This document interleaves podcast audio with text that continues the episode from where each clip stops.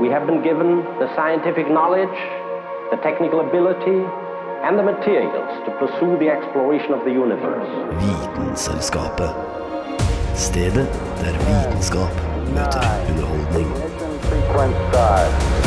Six, five, four, three, two, one. It's one small step for man. One giant leap for mankind. Vitenselskapet. På Radio Nova. Da Alfred Nobel døde, så skrev han i testamentet sitt at han ville gi ut priser til de menneskene i verden som har bidratt til ny, ny kunnskap til å få verden fremover. Og alle disse prisene, og de som vinner disse prisene, er jo altså utvilsomt eh, veldig viktig og flinke mennesker. Men det finnes også en annen type pris, som er på en måte en litt artig utgave av Nobelprisen. nemlig IG Nobelpris. Og dette her er som en slags parodi på den faktiske Nobelprisen. Og i dagens utgave av Vitenselskapet så skal jeg, Anna Vik Rødseth, og, Jonathan Malmberg. og Sara Langedrag. Vi tre skal eh, riffe litt om disse prisene. Fordi, har dere egentlig hørt om disse prisene før eh, vi snakket om det? Nope. Aldri. Aldri hørt om det. Men jeg har kost meg så mye med å lese med det. Jeg vet det. Det er faktisk utrolig fascinerende og veldig, veldig gøy. Og også, det er ikke bare tull heller, det er også veldig imponerende greier. Ja, noen Ja. Av det, og noen av det har blitt en skikkelig ting. Ja, hvert. ikke sant? Og det var, jeg leste også at det var faktisk en fyr, nå husker jeg ikke helt, jeg tror han vant IG Nobelpris i 2000. Og han vant også den faktiske Nobelprisen i 2010 i fysikk. Oi. Så det er liksom, det er seriøse mennesker her. Mm. Ja, det er ikke ja. bare tull. Nei. Så, men med det tenker jeg at vi bare kan hoppe ut i Ja. Det morsomme.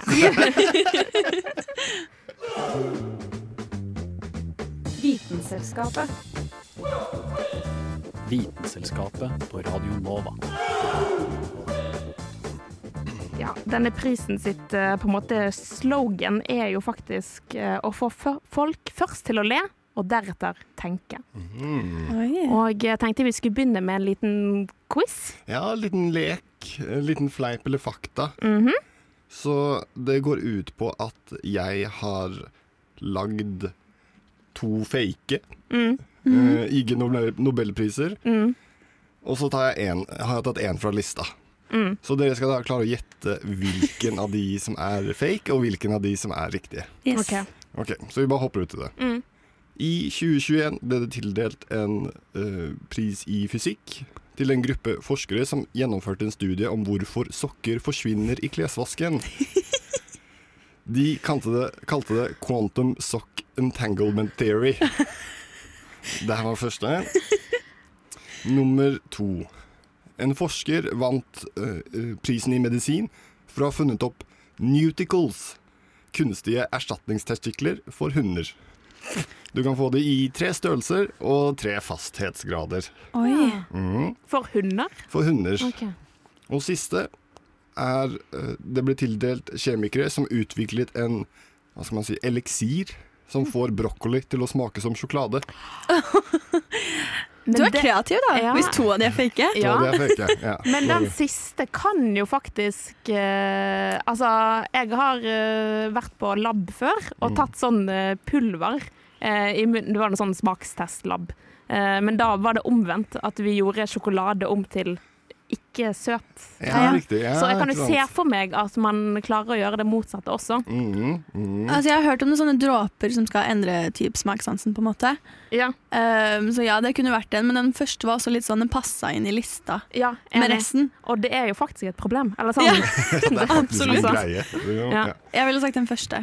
Sokkene. Da går jeg, for, jeg går for eh, brokkoli. jeg. Ingen av dere har riktig. Det er kunstige erstatningstestikler Men- for hunder. Jeg skjønner ikke hvorfor skal de, hvorfor skal de ha Eller hva? What's Altså, the purpose? Gudene vet, kanskje du har eh, kastrert din hund, og så Ja, ja. føler du en, den blir liksom deprimert og har det litt kjipt. og så bare sånn Nei, det var for å få den litt opp igjen, så kanskje vi bare later som det er noen testikler der. Jeg vet ikke om de kutter av testiklene, da. Men ja, det er i hvert fall den riktige. Ja. Ok, kult. Ok, Så ingen poeng til noen av dere. Er Da tar vi nummer to. Yes. I 1999 ble det utdelt en pris i medisin. Den ble eh, utdelt til forskere som oppdaget at det å lytte til en bestemt frekvens av klassisk musikk i ca. 30 minutter, da kan man redusere stressnivået og øke Nei, og senke blodtrykket. Men hva sa du lytte til? Lytte til klassisk musikk, okay. men en spesiell frekvens av det. Ok. Så i Nå er det ikke helt vitenskap, men Mm. psykologi i 2020 Prisen ble tildelt psykologo- psykologer som undersøkte hvorfor folk føler behovet for å tråkke på flere knasende løv etter du har tråkka på ett. Du vet når du går på gata, og så, Ja, så ja. bare sånn ah, Jeg må ta det Jeg til. har tenkt det i flere dager nå. Sånn hoppe litt frem og tilbake. Ja, ja, ja. Og så siste er en gruppe doktorer fikk prisen i medisin for å bruke avansert hjerneskanningsteknologi for å måle hvilken grad noen mennesker hater ost. Og det kan være all form for ost. Enten blåmuggost eller Det er så mye dumt. hvitost eller ja, veien. Eh, men nå er det jo høst, og jeg har drevet og gått på Mm. veldig mange sprø blader i det siste. Ikke sant? Så jeg har veldig lyst til å si den, fordi det er så satisfying. Ja, det er har- virkelig deilig. Man går bort og leiter etter nye etter hver eneste en. Så du tar den? Jeg tar den. Jeg, jeg, jeg går for osten, jeg. Ja.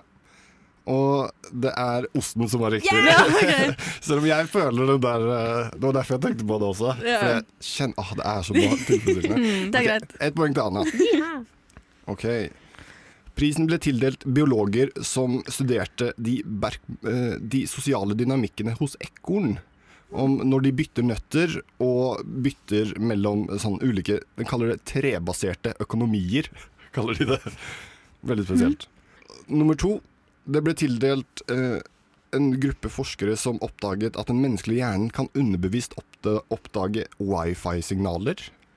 Det tror jeg ikke noe på. Det, er bare bullshit. Greit nok at du kan se på hjernen at du lukter ost, men det der Det blir ikke jeg med på. var det ikke trådløst internett, for at han får vondt i hodet Ja. av eh, wifi. Ja, han gjør det. Ja, Ja, ikke sant? Så det, kanskje det er det en greie. det kan, det kan hende. Eller så er det sånn du har blitt så overbevist om det selv at du bare, hvis du veit det er der, så Ja, bare det ja. ja. Og i 2014 ble det tildelt et ektepar som fant ut opp en mekanisme for å hjelpe kvinner med å føde. Og hvordan de gjorde det, var å legge kvinnen på et bord, måtte teipe henne fast, og så spinne det bordet kjemperaskt i hodet. Liksom Sentrifugere ungen ut. Ja, sentrifugere ungen ut. Nei, tror. Det høres helt sykt ut. Da går jeg for den ekorntingen. Ekorntingen. Ja. For det andre høres jo bare helt Altså, hvis det er noen, hvis det er noen høygravide kvinner som har blitt strappa på et bord, Stakkars. og så har det spinnet, Og gjør det her. og så får de en nobelpris for det. Ja, ja. Okay. Jeg er med på, jeg med på ekorn. Ekornet. Ja. Ja. Det er det runde barnet Nei, runde bordet. Det runde bordet hvor kvinner, gravide kvinner ble spint rundt. Nei, nei, nei. Og så skal de hjelpe dem med å Fy føde. Men hvordan er det mulig? Hvordan er det mulig? Jeg skjønner ikke jeg heller. Altså sånn Hvorfor uh, Men Ja, hvor, altså hvem blir med på det her? Hvorfor hjelper det med Ja. å få den ut, og ikke bare at den holder seg på midten? Liksom sånn Ja, men, men kommer ikke babyen ut i en voldsom fart også, da? Når, Ja, du, det når det først uh, Den stopper vel sikkert litt i gangen. Kanskje hjelper med å dytte den litt ned? da? kanskje Er det bare litt- masse puter rundt Er det litt bakke da på det bordet, eller er det liksom Altså Jeg tror det bare er Men du vet når du har det sånn flatt på bord teipa fast? Lekeplassen, når du har liksom spinn Ja, på ja, en sånn ja, greie. ja, Ja, Altså Man blir jo trukket utover, Ja, ikke ja. sant? Men altså, finnes det Er det noe, er det noe Altså, er det noe um, um, Jeg så en video på det. Ja, det er en video på det! Jeg tror det. Men jeg hadde vært veldig, jeg hadde veldig lyst til å se det. Det må jeg faktisk oi. Ja. Det, Oi, oi, oi. Men vi kan erklære uh, Anna som Ja. vinneren i quizen. Vitenselskapet. Woo!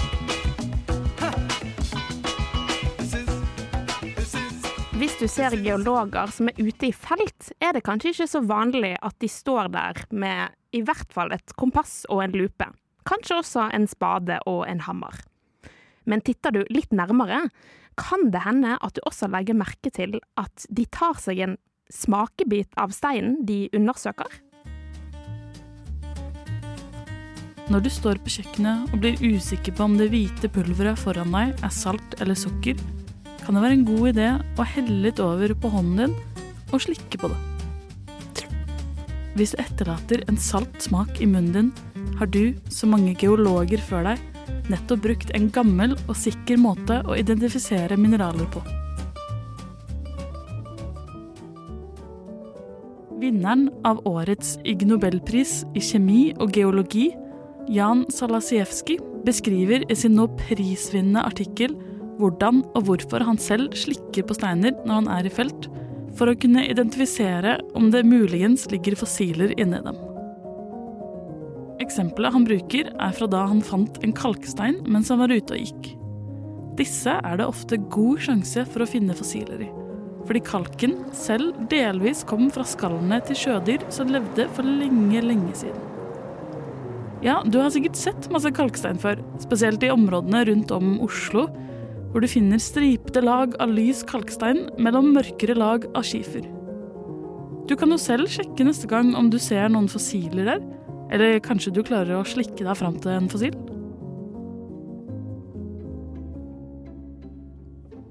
Grunnen til at det kan være nyttig å slikke på disse bergartene for å kunne identifisere spor etter tidligere liv, er rett og slett fordi det blir lettere å se variasjoner i overflaten av steinene når den er våt. Noen kunne kanskje fortalt disse forskerne at det strengt tatt ikke er nødvendig å slikke på en stein for å gjøre den våt. Men det er nok litt sent for det nå. Du har sikkert selv sett at steiner skifter farge når de blir våte. Det gjelder for så vidt de fleste andre ting også. Men for steiner spesifikt blir det da altså mye lettere å fange opp endringer i teksturen, og dermed se om det muligens var en blekksprut under der en gang. Opprinnelig var det også en annen god grunn til at geologer likte å slikke på steiner, som mer eller mindre har blitt bortglemt i dag. Den er i hvert fall ikke brukt som unnskyldning like ofte. Vi snakker nemlig om taksonomi, altså å identifisere hvilke mineraler som fantes i steinen du slekka på, og derfra finne ut av hva slags stein det faktisk var. Dette er i praksis en litt utgått metode etter at hele fagfeltet kjemi ble oppfunnet. Eller i hvert fall siden man fant opp kjemiske analyser, som kan gjøre jobben litt lettere for tunga di. Kombinasjonen av å se, lukte og smake på steiner for å finne ut av hva de inneholdt, funket sånn omtrent like bra som om du skulle ha gjort det samme med en matrett du aldri har hørt om før. Altså rimelig godt. Som en god vinkjenner kunne tidlige geologer kjenne igjen flere mineraler ut ifra smak. De kunne være smaksløse, søte, salte, bitre, støvete eller til og med mugne i smaken. En tidlig italiensk geolog beskrev en gang så poetisk sandsteinen under seg som like bitter som den er urinerende. Når den forlater munnen, etterlater den en viss søthet og en sår tunge. Disse smakene og sensasjonene kan ha kommet av rester av kull og svovel i steinen. Kanskje ikke den sunneste delen av matpyramiden. I tillegg til å slikke på steiner, så hender det også at geologer i felt rett og slett spiser litt sand. Eller i hvert fall tygger litt på den. Det her er fordi at de har lyst til å finne ut hvor store korn den inneholder. Noe som ikke alltid er lett å gjøre med øyemål. Hvis det knaser, er det som regel sand, og hvis det ikke gjør det, så er det som regel leire. Denne her saken ble laget av Julianne Li Fjell.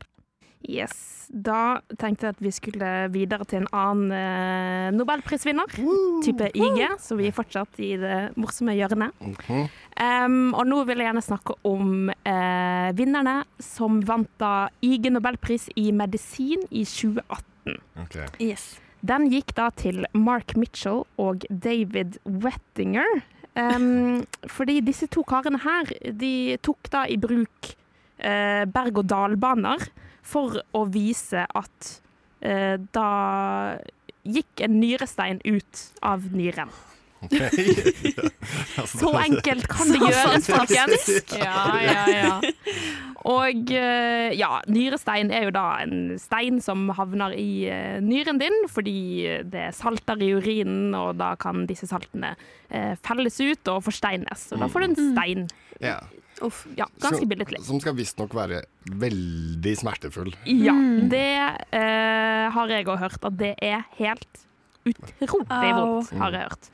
Um, fordi ja, disse steinene kan jo ligge i ro uten å gi noen symptomer, men hvis de begynner å vandre nedover urinlederen og mot blæren, så kan de nummer én sette seg fast, Oh, og da, gud. eh, og da blokkere fullstendig urinstrømmen. Oi. Oh Ja, og da kan du få mye infeksjoner og feber og hele den pakka. Um, men det som kanskje som vi har snakket om er kanskje mest uh, Kanskje det vi forbinder med nyrestein, er at det er utrolig vondt. Og det er det det liksom kjennetegnes. At du får plutselig intense smerter i da ryggen, der nyrene er. Og så kan det liksom stråles ut nedover eh, lysken, da. Uh, Ja, og jeg har hørt at det kommer med alder. Liksom. Ja, og det er faktisk også ganske vanlig. Det Ja. står at eh, mellom 10-15% kommer til å få det én eller flere ganger i løpet av livet. Så, men da har jeg et gøy tips til dere, skjønner du. Okay, ok, Ok. nice. Fordi eh, han ene prisvinneren, David, det var han som på en måte fikk ideen med dette å bruke berg-og-dal-bane. da. Fordi han fortalte at det var flere pasienter av han som kom inn eh, og hadde nyrestein, og hadde sagt til han at de hadde kjørt berg-og-dal-baner, eh, og da hadde nyrestein kommet ut. Ja, eh, og de hadde da, alle sammen hadde kjørt en spesifikk eh, berg-og-dal-bane på Disney World. De hadde bare rotta seg sammen og bare sånn Vi prøver, Ja, vi tar den. ja. Og det var til og med en pasient som kom inn og sa at eh, han fikk ut hele tre nyresteiner etter å ha kjørt flere ganger. Hæ? Ja. Og da, selvfølgelig, eh, tenker jo David det her var jeg jo ute og teste selv. Ja. Eh, så det han gjorde, han lagde rett og slett en 3D-modell av eh, nyren. nyren. Og jeg trodde du skulle si han gikk og skaffa seg en nyrestein. Jeg sånn, okay. Men det gjorde han også. Han fikk tak i nyrestein av en eh, pasient, og tok da disse tre forskjellige nyresteiner i forskjellig størrelse inni denne modellen han hadde laget. da. Og så tok han på denne modellen i en sekk, eh, og satte seg rett og slett eh, i eh, denne berg-og-dal-banen og kjørte hele 20 ganger. Og så satt han litt forskjellige steder i berg-og-dal-banen. da. Litt foran, litt midten, litt bakom. Og hadde forskjellige, ja, forskjellig størrelse på steinene, forskjellig Ja, de forskjellige turene. Ja. Ja. Og, Og, det er, og det er jo forskjellig på om man sitter foran, bak eller midt, eller ja, hvor enn man sitter. Ja, ja, ja, Mm. ikke sant? Og konklusjonen var rett og slett at eh, det var eh, aller best å sitte bakerst i berg-og-dal-banen. Ok. Yes, men det kan man regne litt med, da. Der er det mest sleng. Mitt sleng, ja. Ja, Mm. ja, kanskje Ikke det er Det som er jo gjør det. Ja. Ja. Foran så merker du at du er liksom den som drar litt mer, ikke sant? men Mm. bak så får du litt mer sånn øh, Ikke sant? i hodet. Ja, ja, ja. Eh, etter dette eh, Ja, det var faktisk hele 70% av nyresteinene som kom ut når han satt bakerst. 70 Altså, det her er en stor mengde. Liksom. Shit. Um, også, men det her var jo bare pilotstudien, Ja, eh, fordi etter det, disse resultatene så måtte han utvide eksperimentet, selvfølgelig. Selvfølgelig. Og da kom han eh, Mark Mitchell med i videre eksperimenteringen. Og da gjorde de omtrent det samme, Mhm. men da hadde de da flere modeller av nyren da klistret på seg. Okay, Ja. Og igjen eh, satt seg forskjellige steder i berg-og-dal-banen. Kjørte berg-og-dal-banen flere ganger, og ja, samme konklusjon var at eh, det er best å sitte bakerst, da. Så de var sånn ja, jeg driver med forskning. Jeg tar berg-og-dal-bane hele Ja. dagen, det er så slitsomt. Ja, ikke sant? Jeg føler det her er bare en unnskyldning for at eh, to gutter skal få lov til å leke seg litt på ja, jobb.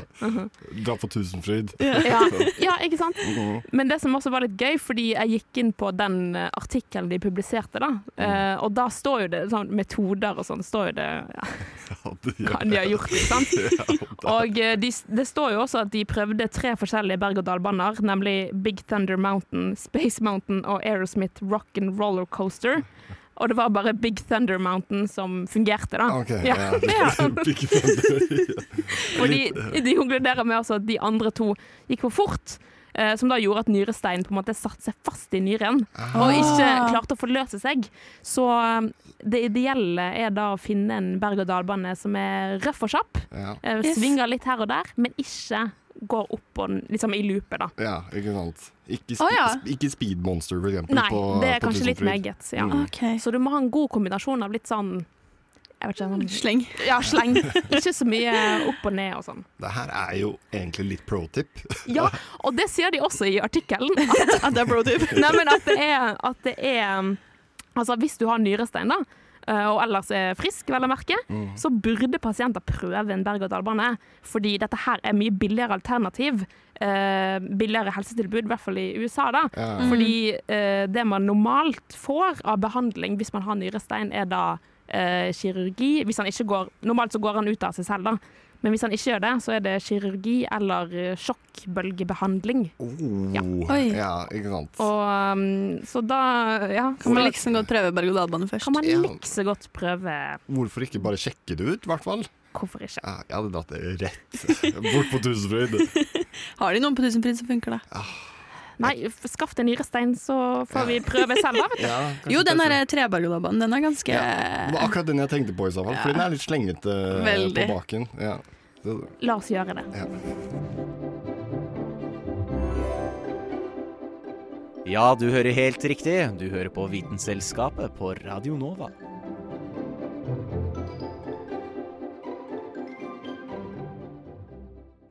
Du har vel sikkert hørt at det er fint å leve i ett med naturen. Men kan dette noen gang tas litt for bokstavelig? Jeg er glad i dyr. Men i dag skal vi ta en titt på en ekte dyrevenn. Thomas Twaits, som i 2016 vant den prestisjefylte IG Nobelprisen. Hva fikk han prisen for? Ja, eh, la meg fortelle deg historien. Thomas Waits, en britisk designer og forsker, hadde en idé som var så uvanlig at den fanget oppmerksomheten til hele verden. Han bestemte seg for å bli en geit. Eh, ja, du hørte meg rett. Han ville leve som en av dem, utforske deres verden og forstå hvordan det er å være en geit. Så hva gjorde han? Han gikk til ingeniører og designere, han er selv en designer, men ba dem om å hjelpe han med å bygge et exoskjelett, en slags geitedrakt, og det exoskjelettet skulle hjelpe han med å bevege seg som en geit, og til og med spise gress. Riktignok, mennesker kan spise gress. Problemet er at vi kan ikke fordøye det. Så det han gjorde for å løse det problemet, var at han tygde gress, spyttet det i en pose han hadde hengende under seg, og kokte det i en trykkoker, for å så lage en overraskende velsmakende, men nokså ekkel gressstuing. Selv så ville jeg heller ha forkledd meg som en gorilla, jeg, da. Men Thomas reiste til de sveitsiske alpene, hvor geiter beiter, iført sitt geitekostyme. Han begynte å lære geitene språk og henge ut med ekte geiter. Men han hadde et problem. Geitene ignorerte han. De syntes nok at han var en ganske rar geit. Og de skjønte sikkert ikke bæret av hva han sa. Unnskyld. En annen underlig egenskap med geiter er at de prøver å gjøre skjegget sitt så stinkende som mulig for å tiltrekke en partner. Dette forsøkte Thomas seg på, men det holdt seg ganske platonisk, og han opplevde selv at han ble godt kjent med en hunngeit. Så selv om Thomas kanskje ikke klarte å bli akseptert som en ekte geit, vant han våre hjerter og en IG Nobelpris for sin innsats til å forstå dyreliv på en unik måte. Så hva kan vi lære av Thomas Twaits sitt eventyr? Vel, kanskje at en klype nysgjerrighet og litt galskap kan føre til fantastiske opplevelser, og til og med en IG Nobelpris. Selv om det betyr å kle seg ut som en geit. Det er et eksempel på at vitenskap kan være morsomt og absurd samtidig. Så neste gang du ser en geit, tenk på hvordan Thomas levde som en av dem, og hans geiteeventyr som vant han en sånn pris. Takk for meg.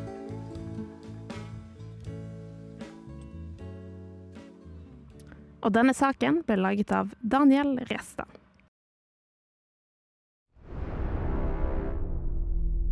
Du hører på Vitenselskapet tirsdager klokken ti til halv elleve på Radio Nova.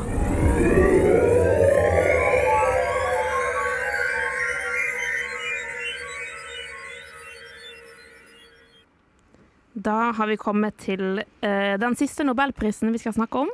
Yes. Yeah. Uh, og da når jeg skulle velge den vi skulle snakke om i dag, da, Mm. så gikk jeg først på det året jeg ble født, og så endte jeg opp med å velge den første der. ja. Fordi den var ganske morsom.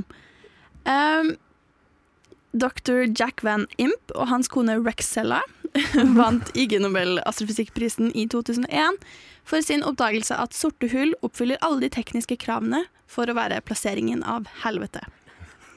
Ja, der er det sjukt. Det er jo en veldig bra tittel, må Ja. jeg si. Det er Det en faller veldig i bra tittel. smak. Ja, du blir interessert Ja. med en gang.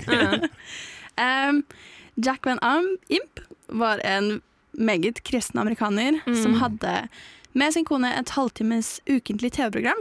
Ja. Uh, og han døde i 2020, men nettsiden deres så går programmet faktisk fortsatt. Vi gjør det, ja. Okay. Yes. Er det sånn pastortype? Han var ikke pastor, men oh, faren hans var veldig kristen også. Okay, ja. Eh, og på det TV-programmet her så handlet det ja, ekstremt mye om det kristne synet på verden. De var predikanter, Mm. og det er liksom personer som snakker Guds ord og holder preken, så på en måte. Ja. ja. Ikke langt unna, i hvert fall. Mm. Nei.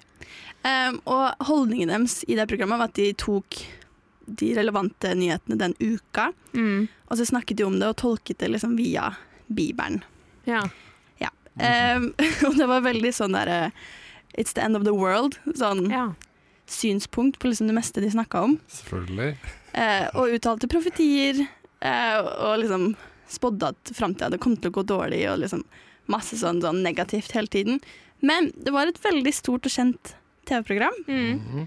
Uh, og det var et av de høyeste rated uh, TV-programmene altså i kristne, da. Ja, ja. Ja, Inne på kristne-sjangeren, ja. Ikke ever, liksom. Nei, nei, nei. Men uh, ja, i verden, da. Ja. I ekstremt mange land. ja. Og jeg fant ut da når jeg ja, drev og søkte på han, at uh, det var veldig mange som var glad i han. For på nettsida der så var det veldig mange sånn 'savner deg' og sånn. Ja, var det? ja? Ja, for det var veldig mange som ble glad i kristendommen igjen på grunn Ja. av han. Ja, ikke sant? Yes. Eh, og han var kjent for sitt kallenavn, eller som han også selv kalte seg veldig mange ganger, Mm. en vandrende bibel. altså, jeg blir bare ja, men det som, det som på en måte Så han kunne hele utenat. ja, Det som gir meg mest, er den der kalte seg selv. Han omtalte seg selv som det mange ganger. Jeg er den vandrende bibelen. Hei, det er meg. Ja, Selvforkledd. Ja, Men så- hvordan var det de fant ut at uh, dette svarte hullet er egentlig helvete? Yes. Um, det endte det opp med Eller på grunn av en av de nyhetssakene de snakka om, den Ja. ene sendinga i mars 2001, Ja. var nettopp det Oh, ja, okay. med at uh, de tilknytta liksom det sorte hull til Helvete. helvete. Ehm, men uh, jeg fant ikke den nyhetssendingen, for jeg fant Nei. ikke noe arkiv tilbake til 2001. Goddammit. Og de hadde jo ikke noe ark på det, så det eneste liksom, forskningen de hadde på det, var at de Mm. diskuterte det i den Ja. sendingen sin. Mm. Ja. Ikke sant? Ja, forskning var det. Ja. Han er jo tross alt en snakkende, eller levende bibel, eller hva han Ja. vandrende bibel. Ja. Rett og slett. Mm. Men helvete er også beskrevet i Bibelen som et veldig mørkt sted. Og det er jo det sorte hullet også. ja, det er ikke feil, det. Absolutt ikke. Kanskje det mørkeste stedet? Ja, Bibelen sier at helvete er et sted av outer darkness. Mm. Um, og det står også i Bibelen at uh, det er et sted hvor det aldri er noe håp for å komme seg vekk eller ut ifra. Og det stemmer jo ganske godt med et sort hull. Absolutt. Ut fra det du sier nå, så altså, jeg blir i hvert fall noen prosent overbevist. At, ja, ja, absolutt. Du vil i hvert fall ikke komme inn i et eh, dragsug av et svart hull, for da kommer du faktisk aldri tilbake heller. Nei. Eh, og et surt hull er jo også et område i verdensrommet hvor gravitasjonskreftene er så sterke at ikke noe kan unnslippe, selv ikke lys. Mm. Så da teller jo liksom Definisjonen på et helvete, Ja. vil jeg si. Basically.